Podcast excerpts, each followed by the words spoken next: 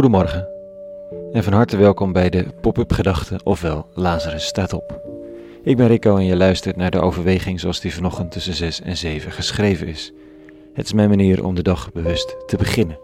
De Bijbelteksten van de dag lezen en me afvragen of er iets in zit wat mogelijk voor vandaag belangrijk zou kunnen zijn. Moeten we dragen of gedragen worden? Pop-up Gedachten maandag 2 maart 2020.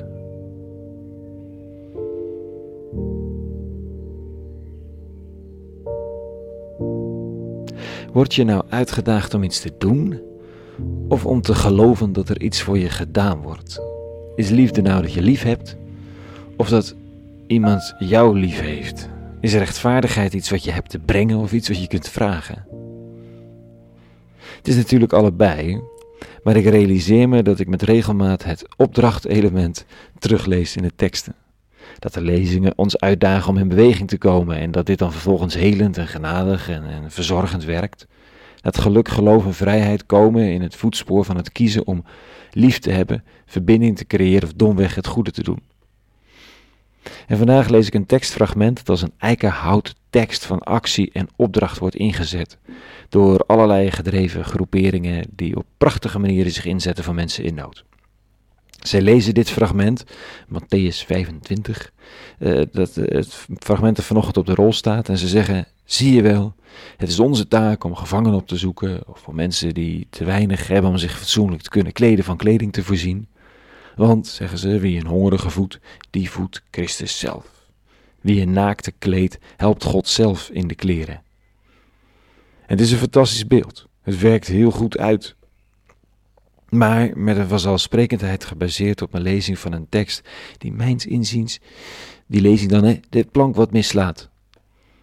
Vandaag gaat het dan eindelijk eens niet over dragen en doen, maar gedragen worden en wat er aan jou gedaan wordt. Sommigen zullen de tekst kennen.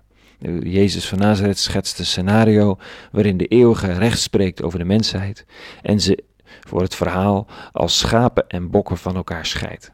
Bokken gaan het vuur in, een soort helbeeld waar je alleen maar van kunt gruwelen. En schapen hebben mazzel, op hen staat een hemel te wachten.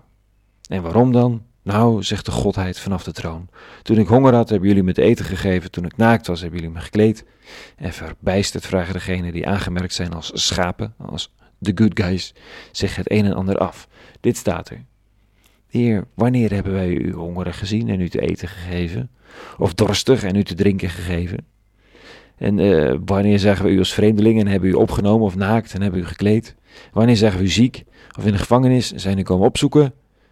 En de koning zal hun ten antwoord geven: Voorwaar, ik zeg u, al wat u gedaan hebt voor een van deze geringsten van mijn broeders, hebt u voor mij gedaan. Dus concludeert iedereen: in de meest zielige gevangenen zit God gevangen, dus zoek hem op en het komt goed met je. Aan de slag.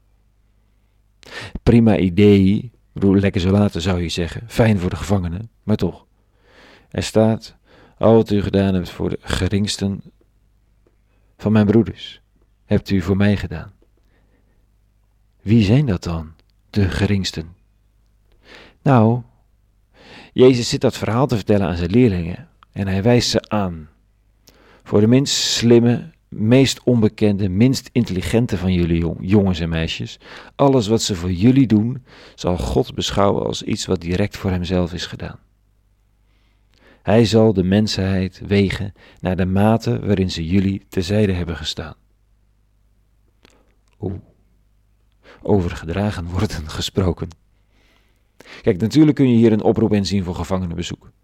Maar het is vooral een support voor iedereen die een poging gaat wagen om serieus te nemen wat Jezus zegt over liefhebben. Over alvast volgens de ideeën van het goede leven in een wereld die pijnlijk en kwaadaardig is soms. Wie dat doet, mag zich de steun die je ontvangt laten aanleunen, zo gezegd. Het is belangrijk om gezegd te worden, want het is nog niet zo eenvoudig om je te laten dragen. En vandaag geeft JC een manier om dat toch te laten doen. Je ontvangt die support niet per se om wie je bent of wat er van je verwacht wordt. Je hoeft niet per se autonoom te zijn ook. Laat je in godsnaam supporten her en der. Omdat die steun niet voor jouzelf bedoeld is, maar voor het goddelijke wat er door jou heen sijpelt. De uitdaging van de teksten blijft om het goede te kiezen, elke dag opnieuw. maar wordt gezeld, vergezeld van een belofte dat de eeuwige de mensheid zal afrekenen op de mate waarin ze jou en al die anderen gesteund hebben in het brengen van het goede. Gesteund met, met kleren voor onderweg, met eten, met bezoeken als je vast zat, letterlijk of figuurlijk. Je bent niet alleen. En het hoeft ook niet alleen. Laat ons verbinden en verbonden laten worden. Deze dagen begint mijn crowdfunding, waarmee ik hoop weer een jaar verder te kunnen met pop-up gedachtes, acties, kunst. Ehm, iets wat misschien nodig is, maar geen brood op de plank brengt. Een crowdfunding gedragen door dit idee uit de lezing van de dag. Een hele goede maandag gewenst vandaag. Meer pop-up gedachten te vinden op lazarusstatop.nl en voor nu vrede en alle goeds.